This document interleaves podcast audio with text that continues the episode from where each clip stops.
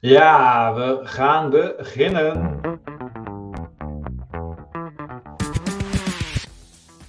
Goedemorgen allemaal en welkom bij weer een nieuwe uh, Talks Cloud. En vandaag met uh, MVP Niels Kok. En we gaan het hebben over beheer en update al je applicaties vanuit één omgeving voor elk platform. Nou, wat dat allemaal betekent, want er zit heel veel in die zin. Daar gaan we het zo meteen over hebben.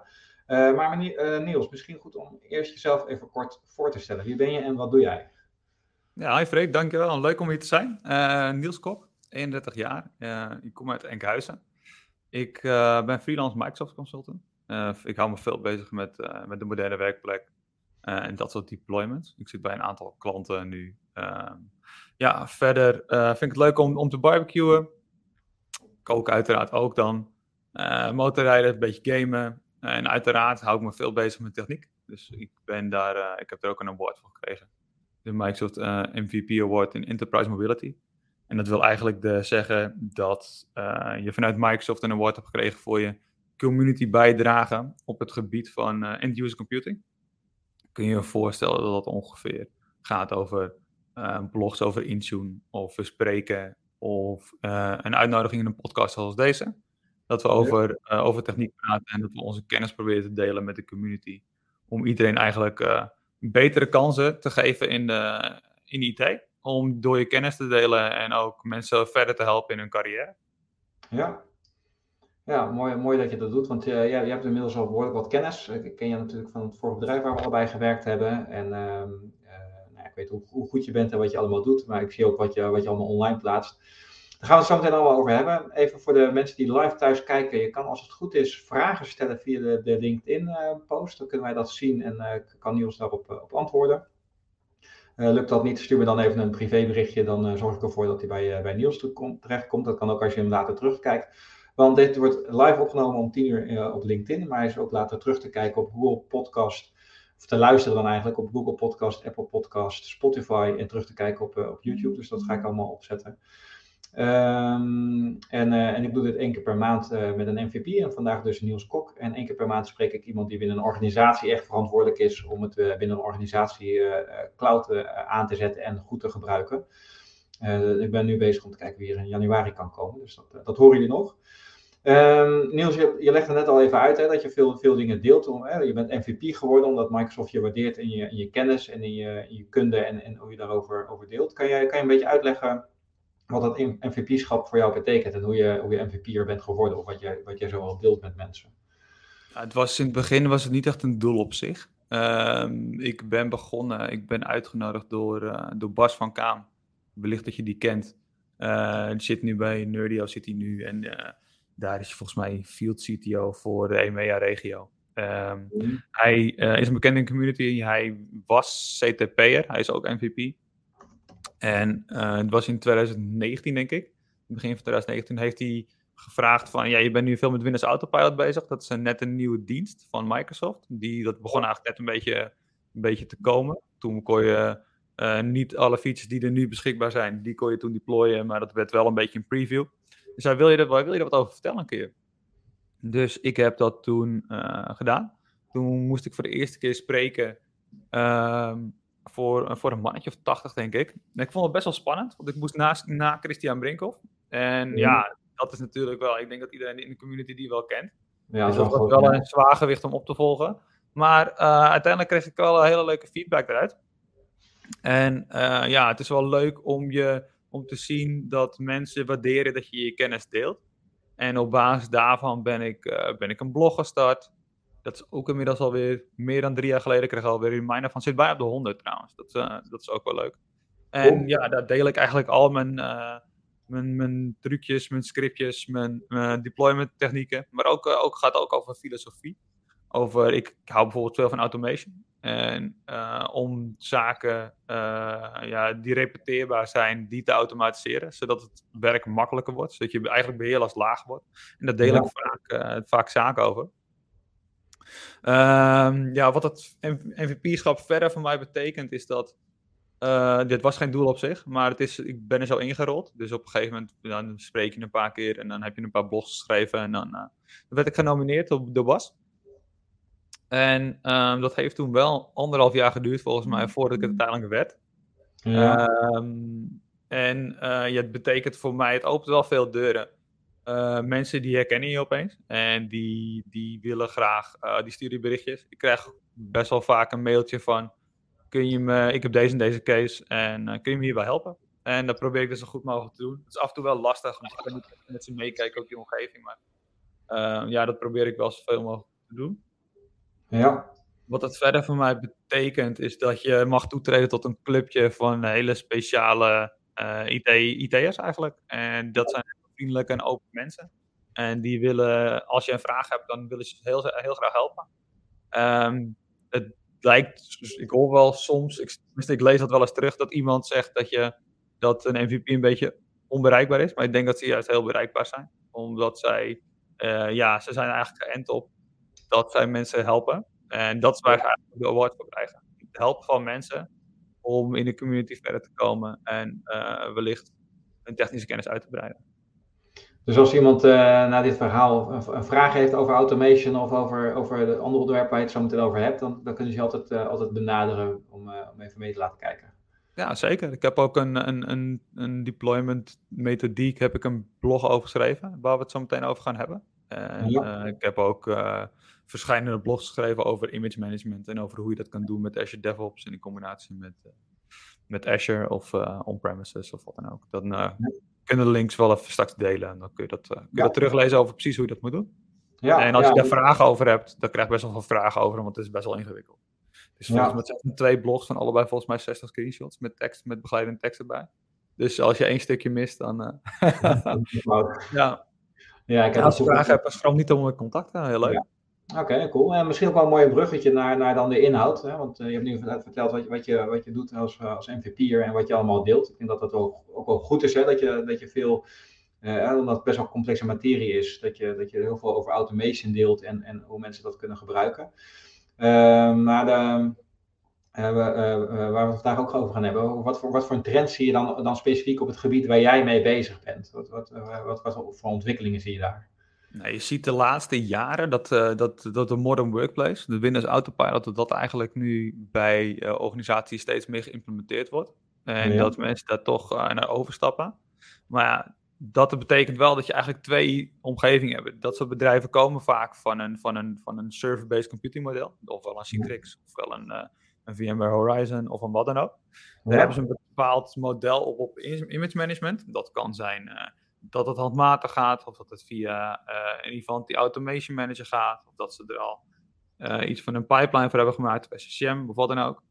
En dat zij dan um, Intune gaan gebruiken, maar dat ze eigenlijk op twee plekken daarna hun packages moeten beheren. Dus stel ik heb een uh, Adobe Reader en die moet ik naar twee typen platformen pushen. Maar dan moet ik hem nu ook twee keer updaten, want ik moet hem voor Citrix updaten en ik moet hem voor Modern Workplace updaten. En dat is nu vaak een uitdaging waar ik, uh, waar, waar, waar, klanten tegenaan lopen. Dan die, die, uh, dat zijn vraagstukken, vraagstukken waar ik me mee bezig houd. En om te zorgen dat die Modern Workplace geïmplementeerd wordt. En dat ze er eigenlijk een centraal model overheen kunnen gieten, zodat het beheerslast laag is. En zodat ze dat in één keer voor alle platformen kunnen updaten. Ja, en is dit een, is dit een tijdelijk probleem dat ze, dat ze twee, twee omgevingen hebben? Dat ze dus die, die Intune-omgeving hebben en die, die Citrix-omgeving? Of, of, of blijft die Citrix-omgeving waarschijnlijk nog wel uh, lang nuttig? Nou, het is, het altijd een mooie, mooie, mooie vraag. Maar dan kan ik ook altijd weer zeggen, as always, it depends. Dus ja. dit hangt helemaal van je applicatielandschap af en over hoe, jou, uh, hoe jouw omgeving eruit ziet. Maar um, in het algemeen hebben bedrijven vaak nog wel een, een legacy applicatie, welke via een server-based computing uh, oplossing benaderd moet worden vanwege latency of vanwege ja. andere uh, security technische uitdagingen. Dus um, dat blijft vaak wel. En totdat je die, nadat je je werkplek hebt getransformeerd, dan naar een modern workplace of naar een AVD of naar een, naar een ander model, uh, dan zit je toch nog met dat legacy stuk. En daarnaast zal je nog, wat de volgende uitdaging ook wordt, is dat je dan je applicatie moet gaan transformeren. Maar ja. tot die tijd zul je toch echt nog een, uh, een, een update model moeten behouden, welke uh, beide platformen tegelijk kan updaten, denk ik. Ja, en, en, en daar, daar helpen je organisaties nu, nu bij. En, en hoe ziet dat er dan uit? Hoe, hoe werkt zo'n systeem? Want, hè, want daar gaat het vandaag ook over, hè, dat je al die applicaties op al die platformen in één omgeving kan kan beheren. Hoe werkt zoiets? Het is, het is vrij nieuw. Uh, het, is, nou, het is vrij nieuw. Het, is er nog niet eigenlijk. Het is iets wat Microsoft aangekondigd heeft en wat, wat ik in de, in de toekomst wil gaan implementeren. En dat gaat over de, de Windows Package Manager. Dan kan je eigenlijk in je, uh, in, je Microsoft Intune omgeving, ik weet niet precies waar het komt, maar um, daar kun je aangeven dat jij uh, je eigen packages wil maken. En daar kun je dus een centrale repository eigenlijk, dus een, een centrale store kun je daar gaan samenstellen van je eigen packages. En die kun je dan van elk platform benaderen. Dus stel je voor, ik heb, uh, ik heb een, een, een, applicatie waar ik bepaalde data, database bij benader. En die moet ik zowel op mijn Mono Workplace device hebben als op Citrix. En dan zal ik die package in die centrale store plaatsen, waardoor ik uh, hem tegelijk kan installeren op Citrix. En op Intune, of op de Intune devices. Als ik hem dan moet updaten, dan update ik hem in die centrale store. En beide omgevingen kijken dan naar die centrale store. Ja. Bij Citrix dan wel via image management of wat dan ook. Maar dat je dat op die manier ga je eigenlijk een centraal punt maken waar je pakketten die je op beide omgevingen wil gebruiken, dat je dat gaat distribueren via die centrale plek, zodat je het maar één keer hoeft te doen. En dat is nu wat ik wel, wat, wat ik, wat ik ja, wel gaaf vind, wat eraan gaat komen. Want wellicht bekend bij de, bij de luisteraars, zeker kijkers, dat de Microsoft Store for Business, dus niet de Microsoft Store, maar de Microsoft Store for Business, die gaat in Q1 2023 die eruit. En daar komt die Windows Package Manager plus Store komt daarvoor in de plaats. En dat zal gedurende 2023 zal dat zich ontwikkelen naar het model wat ik net schets. En uh, dan kun je op die manier dus je applicatiedistributie en het updaten daarvan vergemakkelijken en uh, ja, ja uh, dus de beheerlast omlaag brengen voor je, voor je system administrators of, en of applicatiebeheerders. Ja, want eigenlijk heb je dan meer overzicht en meer structuur in, in wat je aan het uitrollen bent. En je doet het allemaal vanuit één omgeving. Dus je hoeft niet elke keer allemaal verschillende omgevingen bij te houden. En, en hoe werkt dat dan als je dus, dus naar, naar Windows 10 of 11 device pusht en naar, naar een Citrix-omgeving? Uh, is dat dan gewoon één package of moet je daar dan wel twee verschillende packages van maken met in één omgeving staan en die dan naar een eigen platform worden gedistribueerd? Hoe, hoe werkt dat? Je, je zal wel verschillende uh, straten hebben waar je uh, packages in maakt en in uitrolt. Ja. Je zal bijvoorbeeld, bijvoorbeeld in, in, in Azure DevOps een straat maken waar je de, de pakketten in maakt, die dan volgens ja. geüpload worden naar je store. Ja. bijvoorbeeld voor Citrix zul je dan, uh, of Citrix of AVD of VMware Horizon, het maakt in principe niet uit. Voor het server-based computing model zal je een straat hebben om de uh, packages te incorporeren in je image. En um, in Intune kun je direct praten tegen die store en ze dan assignen aan je gebruikers. En dus distribueren naar je, naar je, naar naar ja, naar je. Ja, en dan, uh, dan kan ik me voorstellen, bij Adobe is het misschien nog wel een vrij, vrij eenvoudige exercitie, maar ik, kan me voorstellen dat er ook soms complexere applicaties geüpdate worden. Uh, uh, die wil je niet misschien ineens uitrollen naar 2000 medewerkers, maar die wil je, wil je misschien eerst, eerst testen via een, OTAP of een ringmodel. Of, of hoe, pak jij dat, dat normaal gesproken aan om, om die nieuwe updates te testen? Nou, mijn advies is om een, om een ringmodel te gebruiken. Dus als je een applicatie gaat updaten, dan uh, ga je dat niet distribueren zoals je al aangeeft naar 2000 uh, medewerkers tegelijk. En hem eerst te testen op, op een enkele medewerker. Ja. Wat, je, wat, wat, wat je eigenlijk wil gaan doen, is dat je een, een ring deployment gaat doen. Dat betekent eigenlijk dat je een, een first, dus een eerste ring, en een fast, een tweede ring en een broad ring hebt. En in de ja. first ring zitten 1 tot 3 procent van je gebruikers. En in de fast ring zitten ongeveer 9 tot 12 procent van je gebruikers. En de broad ring zit de rest. Ja. En hoe stel je die ringen nu samen? De ringen, die, dat moet eigenlijk een dwarsdoorsnede zijn van je organisatie. Maar dan wel zonder directie, dat zou ik wel aanraden. Um, dus het, eigenlijk het, wat ik makkelijk vind, is dat ik als ik Active Directory of Azure Active Directory erbij pak, dan pak ja. ik uh, van uh, bijvoorbeeld 20, 30 functies, pak ik, uh, pak de gebruikers. Dus dan pak ik de eerste twee gebruikers van elke functie. Ja. Die stop ik in de eerste ring. En dan stop ik de, pak ik de tweede ring. Daar stop ik de laatste vier gebruikers van elke functie. Stop ik dan in de tweede ring. En zo heb je eigenlijk. Uh, het ligt, hangt een beetje aan hoe, hoe, hoe groot je organisatie natuurlijk is. Um, maar dan kun je op basis daarvan je ringen samenstellen. En je laat deze groepen laat je maandelijks updaten. Want er gaan maandelijks mensen uit dienst, et cetera. Heb ik ook, daar schrijf ik je een automation voor, om ervoor te zorgen dat die, die groepen maandelijks weer geüpdate worden. Zodat je eigenlijk een dwarsdoorsnede hebt van je organisatie om je applicatie op te testen en ring-deployments in te doen. Nou, dat is natuurlijk wel nog een nadeeltje dat die gebruikers, die worden in die eerste ring gezet. Maar ja, what's in it for them? Dus je moet dan wel met die gebruikers gaan afspreken en gaan communiceren door middel van je afdeelpsychconsultant. Om ervoor te zorgen dat zij bijvoorbeeld, uh, als een nieuwe hardware komt, dat zij die als eerste krijgen. Of dat als je, uh, als je nieuwe features wil implementeren, dat zij dat als eerste mogen testen. Of dat zij aanvragen kunnen doen voor, voor extra spullen, of dat daar prioriteit op gegeven wordt moet er wel een beetje, moet wel, samen, moet wel een samenspel zijn tussen de, die testgebruikers en tussen die IT-afdeling.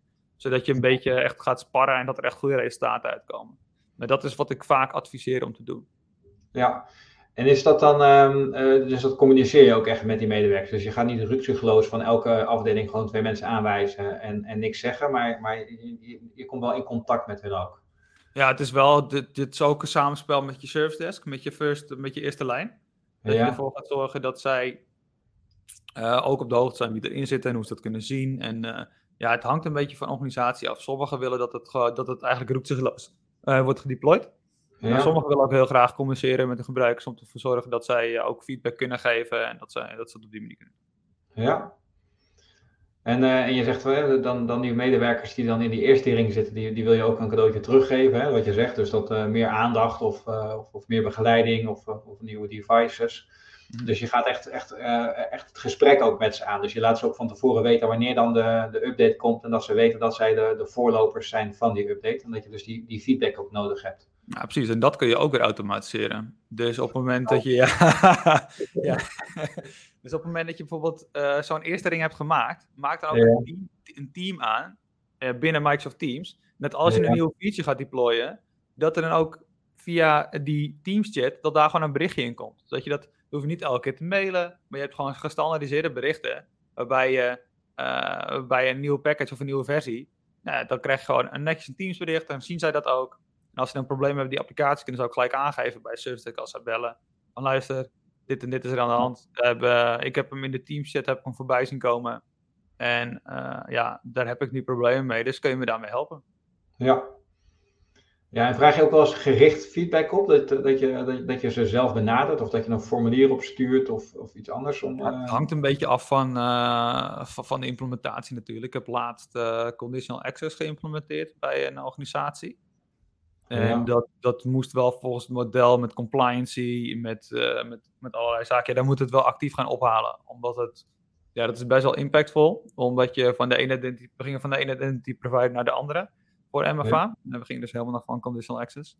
Dus het was eerst alleen een MFA-prompt op je telefoon. Maar dan kwam nu compliancy.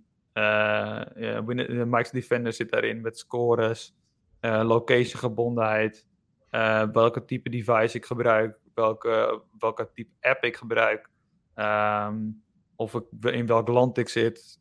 allemaal van dat soort dingen. Dat, ja, dat moesten we wel goed met, uh, met de gebruiksorganisatie gaan ophalen om te kijken of het daadwerkelijk aansloot zoals wij hebben bedacht. Nou, je kan je voorstellen dat dat best wel, uh, best wel wat uitkomt. En maar het is uiteindelijk gelukt. We hebben er wel, denk een maandje of vier, vijf over gedaan. Maar uiteindelijk zijn we, zijn, zijn we in productie nu met, uh, met Conditional Access. En uh, ja, dat gaat goed. Ja, dus, dus zelfs aan de conditional access, dat, dat klinkt heel erg eenvoudig natuurlijk. Hè? Dat je bepaalt van nou, in dat land mag het niet en eh, op kantoor mag het wel. En, en nou ja, allemaal verschillende zaken. Maar ook zelfs dat, dat soort zaken moet je dus ook nog echt goed testen bij die eindgebruiker. Omdat het dan toch net in een gebruikservaring anders kan zijn dan dat jij het in het dashboard bedacht had. Ja, absoluut. Want we zien natuurlijk ook dat je op het moment dat je, uh, dat je ook je applicaties federeert aan, uh, aan SRD. Dat betekent dat je met één identiteit inlogt en dat is dan je Azure identiteit. En dat is dus eigenlijk gewoon waarmee je op uh, Office 365 inlogt, dat je er ook op, op een SaaS-applicatie mee inlogt. En dat kan bijvoorbeeld een UForce zijn, of een, of een Topdesk, of een, of een Avas Online. Dat dat allemaal gefedereerd is, zoals dat zo mooi heet, aan, aan Azure AD. En dan moet je er met heel veel use cases moet je naar rekening houden. En ja, er wordt soms nog gebruik gemaakt van oude service account. Dat moet omgezet worden naar, naar, een, naar een andere type authenticatie. Ehm, ja, dat, dat heeft best wel voet in de aarde. En dat, is, uh, ja. dat was best wel een uitdaging, ja. Ja. En ehm, eh, je maakt dan, dan eh, je had het net over die, die ringen. Je maakt dan verschillende uh, de ringen van, voor, van gebruikers. Is dan, dan uh, één gebruikersgroep die altijd alle updates als eerste krijgt? Of kan het ook per applicatie verschillen? Dat je zegt, nou, voor, voor die applicatie heb ik die groep en voor die applicatie heb ik die groep. Ja, dat, dat, dat is, ik denk dat het voor, je zal altijd een baseline hebben wat voor de hele organisatie geldt. Daar ja. zul je bepaalde ringen voor hebben. En uh, op het moment dat je, uh, dat je, dat je bijvoorbeeld, ja, ik noem maar wat, heb je een AutoCAD. Ja, dat zal niet de hele organisatie gebruiken. Dus dan zal je daar ook een, een ring in kunnen specificeren. Maar ik denk dat je het zoveel mogelijk op die baseline moet, moet zien. Dat je eigenlijk een baseline ding hebt. En dat je daar ook geautomatiseerd updates voor, voor uh, uit kan voeren. Ja. Dat je het op die manier doet. En je hebt natuurlijk, ja, je hebt altijd spe speciale use cases. Ja, ja, precies. En je werkt voor verschillende, verschillende organisaties als ZZP'er. Wat zijn nou de grootste uitdagingen die jij, die jij ziet binnen, binnen organisaties als je ergens binnenkomt? Of je zegt, nou, hier lopen veel organisaties tegenaan en hier moet ik echt wat mee. Nou, wat ik nu bij mijn huidige opdrachten zie, is dat corona, ja, hier in, hier in eh, Europa is dit vrijwel voorbij. Al las ik wel uh, dat je in het Europese uh, gerechtshof, dat je daar in Den Haag, dat je daar nog een mondkapje op moet. Maar dat terzijde. Uh, het is niet zoals in China dat de Foxconn zaken stilgaan. Maar wat ik dus zie, is dat er in coronatijd, de urgentie was hoog. Men moest thuiswerken.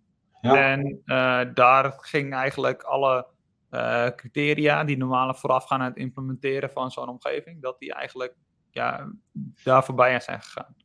En dat zij uh, met een, bijvoorbeeld met een stukje Intune zitten. Waar, uh, wat, in, wat, wat niet op de meest optimale manier is ingericht. En dat zij dat, uh, dat graag optimale willen. En dat dat met bijvoorbeeld met applicatiemanagement dat willen, willen vereenvoudigen, zodat beheerlast lager wordt en het aantal ja, problemen in uitrol dat dat, dat dat minder wordt. En dat dat beter gaat, zodat de, de gebruiksexperience beter wordt. En dat de beheerlast lager is. Want ze hebben het heel druk en ze moeten heel veel faciliteren voor hun gebruikers. En ja. dat willen ze ja, in een dermate manier doen dat dat uh, goed gaat en dat dat geautomatiseerd is. Zodat het geen beheerslast oplevert, maar meer uh, werkplezier. Ja, dus eigenlijk wat je zegt is dat er dat, het, dat, dat door corona heel veel zaken heel snel uitge, uitgerold zijn. En Microsoft Teams, maar ook, ook Intune voor, voor devices. Uh, waardoor ze soms een beetje een te korte bocht hebben genomen. De, eigenlijk de beheerslast heel, heel zwaar is. Omdat, er, omdat je heel veel, heel veel werkzaamheden doet. Omdat heel veel dingen nog niet goed uitgekristalliseerd en uitgewerkt zijn. En, en ook, ook tegelijkertijd lastig voor de medewerker. Omdat bepaalde zaken misschien niet goed werken of niet intuïtief werken of, of, of vaak geüpdate moeten worden. Is, is dat... Uh, ja. ja, weet je, het is, niet, uh, dat is het even niet door een, uh, door een hele commissie gegaan van hoe gaan we het nu eigenlijk bekijken, hoe gaan, we nu, hoe gaan we nu eigenlijk binnen de autopilot inzetten? En wat ja. is ons functioneel doel wat we willen bereiken? En alle facetten die erbij horen, hoe gaan we dat invullen? En hoe gaan we dat bijhouden? Daar was geen tijd voor, heel begrijpelijk. Ja. En ja, daar help ik ze nu dan bij. Om dat naar een niveau te brengen waardoor dat uh, ja, meer lichtgewicht is, lean en mean.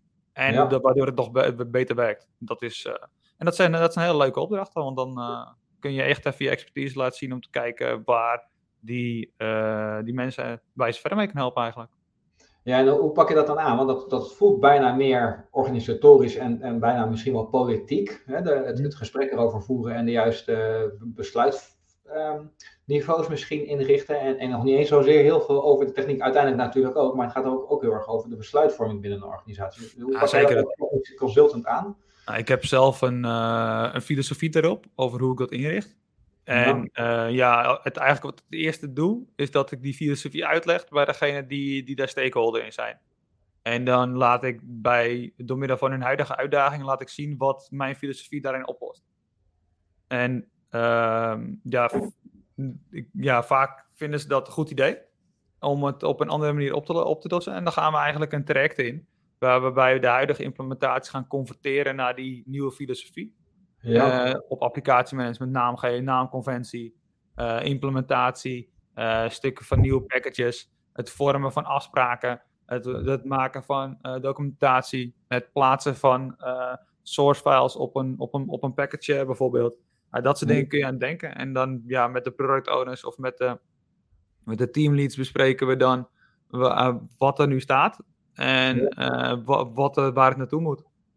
Dat is, en dat, dat kan politiek zijn. Maar soms dan, ja, het is zeg ik, ik weet niet, ken je, die, ken je dat glijbaanmodel? Dat mensen of je boven of eh, beneden in de glijbaan zit. Nou, en of je dan, uh, ja, als je boven in de glijbaan zit, heb je, heb je geen pijn en geen behoefte. Als je halverwege de beglijbaan bent, dan heb je uh, wel pijn, maar geen behoefte om het op te lossen. En als je onderin zit, dus heb je wel pijn en je hebt behoefte om het op te lossen. Nou ja, bij, vaak als ik dan binnenkom, zit, zitten we al onderin. En hebben ze wel pijn en wel behoefte, maar ze weten niet hoe. En daar kom ik dan voor. En dat is, uh, ja, dat, dat, uh, dan, is het dan is het makkelijk gesprek voeren. Omdat, je, omdat ze zijn al zo op zoek naar een oplossing en ik kom met mijn filosofie dan binnen. En om ervoor te zorgen dat dan, ja, dan zijn ze. En als ze daar dat ook zo zien zoals ik dat zie, dan, uh, dan, dan is dat vaak een, ja, een redelijk makkelijk gesprek, om het, even, om, het even, om het even zo te zeggen. Ja, ja ik kan me ook wel weer voorstellen juist dat, um, hoe zeg ik dat, dat, dat, bij veel grote organisaties, dat, je, uh, dat elke afdeling zijn eigen, eigen pijn en zijn eigen behoefte heeft. Dus dat het niet per se is dat er meteen bij jou wordt neergelegd van, nou, dit is onze pijn en dit is onze behoefte, omdat... Nou ja, er, er zitten verschillen tussen de afdelingen. Absoluut. Ja, dat is uh, als je afdeling overstijgende dingen gaat doen, zoals conditional access dat, dat gaat dan de tijd in kosten, weet je wel. Omdat dat gewoon in principe raakt dat alles. Want dat is de primaire authenticatie voor Azure Active Directory. Ja, ja dat, dat, raakt applicatiebeheerders, dat raakt uh, uh, 365 teams, dat raakt, dat raakt adoptie, dat raakt van alles. Ja. Functioneel beheerders. Uh, en die moeten het er allemaal mee eens zijn over hoe we het gaan doen. Ja. En dat is vaak een, een, een, politiek, een politiek stuk. Dan moeten we met z'n allen gaan overeenstemmen dat de authenticatie anders moet. En dat we het op deze manier gaan doen. Ja. En uh, ja, dat is, dat vind ik, ik vind dat altijd wel leuk, omdat dat mij ook tot nieuwe inzichten leidt. Van uh, use cases die ik niet ken. En um, ja, ik probeer er altijd wel open in te zijn, omdat uh, ik, ja, ik ken niet alle use cases. Dus ik ken ook de organisatie niet zoals zij die kennen. En dan kunnen we daar gewoon het, gesprek over aangaan, over hoe de authenticatieflow voor deze organisatie het beste zijn. En het op de meest veilige manier dat we uh, ja, conditional access, cloud security en dat soort zaken inzetten om het, om het zo veilig en zo gebruiksvriendelijk mogelijk te maken. Dat is ook heel belangrijk. Zij kennen de gebruikers, zij kennen de use cases, ze ja. kennen de, ja, dat, is, uh, dat, dat vind ik wel leuk, omdat uh, ja, dat kenmerkt het echt het consultancy stuk. Ja. En uh, ja, dat, is, dat vind ik leuk. En doe, doe je dat dan zelf of heb je dan een projectmanager die, die er dan voor zorgt dat, dat al, die, al die afdelingen aangehaakt zijn? Ja, dat is wel het projectmanagement. Ik uh, ben goed in techniek, maar in projectmanagement, dat, nee, daar ben ik niet goed in. dus jij legt het model uit en jij zorgt ervoor dat je weet ja. welke kant je wilt. En dan heb je iemand anders, bijvoorbeeld een projectmanager, die dan, die dan ja, het gaat, om, ik, om, om, de stakeholders erbij te betrekken. Nou, ik spreek altijd over die filosofie, omdat je dan met, vanuit een bepaalde gedachtegoed dat, uh, die omgeving bekijkt. En um, ja, da daar hou ik me graag aan vast. Dat zijn mooie, uh, ja, ja, mooie handvaten om, om mee te beginnen. Ja. En uh, bijvoorbeeld dat je, dat je altijd compliance inzet. En als je cloud app security hebt, dat je dan ervoor zorgt dat je, dat je browser-only werkt. En dat je, dat je alleen op compliant devices uh, allerlei zaken mag doen. En ja, dat soort, dat soort, dat soort stukken zou je daarin kunnen bereiken. Condition, ik heb gisteren nog een conditional access sessie gezien van, van Kenneth van Surxem. Hij heeft er ook een, een whitepaper over geschreven. Je zou ik zeker checken als je geïnteresseerd bent. Is wel ja. 140 pagina's over alleen conditional access. Zo. Het is echt heel ingewikkeld. En om het te implementeren, dat is niet. Uh, als je het volledig wil implementeren, dat kost echt wel eventjes tijd. Ja. Ja. We hebben het ja, eigenlijk meer over conditional access gehad dan over uh, applicatie, maar dat gaat niet aan, geeft niet. ja, dat komt door jouw voorbeeld, dat komt door jouw voorbeeld. Maar ik denk dat het wel duidelijk is. Ik denk dat we het moeten afronden. Het is uh, 29 en ik probeer Oh, het is uh, ja. ja. En nou, volgens mij wel een, wel een interessant gesprek over, gehad over, over, jou als MVP. Maar ook over de nieuwe tool van Microsoft, waarmee je dus applicaties kan beheren en uitrollen naar, naar alle alle verschillende platformen en ook gekeken naar de, naar de gebruikerservaring. Hè? Dus, dus hoe, hoe rol je dat uit naar een organisatie in verschillende ringen en hoe neem je daarin iedereen mee? En uiteindelijk zelfs nog als, als, als toetje over conditional access, hoe je dat uitrolt, maar ook hoe jij dat uh, politiek aanpakt. En, en, dat is misschien nog wel het belangrijkste binnen organisaties. Hoe zorg je ervoor dat je, dat je dit ook echt kan, kan doorvoeren? Want, want dat zie je bij heel veel organisaties, hè? Dat, dat, dat zie ik ook wel, dat, dat, dat het stokt, dat, het, uh, dat, dat, ze niet door kunnen. Dus ik denk een, een, een, een mooie sessie en veel om, om over na te denken voor de kijkers en luisteraars. Heb je nog vragen aan, aan Niels of aan mij? Uh, benader ons via LinkedIn of mail of ehm, andere middelen die je van ons kan, kan vinden online. En dan, dan kijken we of je kunnen helpen. Niels, ik wil je ontzettend bedanken voor deze sessie, heel nuttig. En ik spreek je binnenkort vast nog een keertje. Yes, jij bedankt voor de uitnodiging. Dus, dankjewel. Spreek je. Thanks. Hoi hoi. Hoi.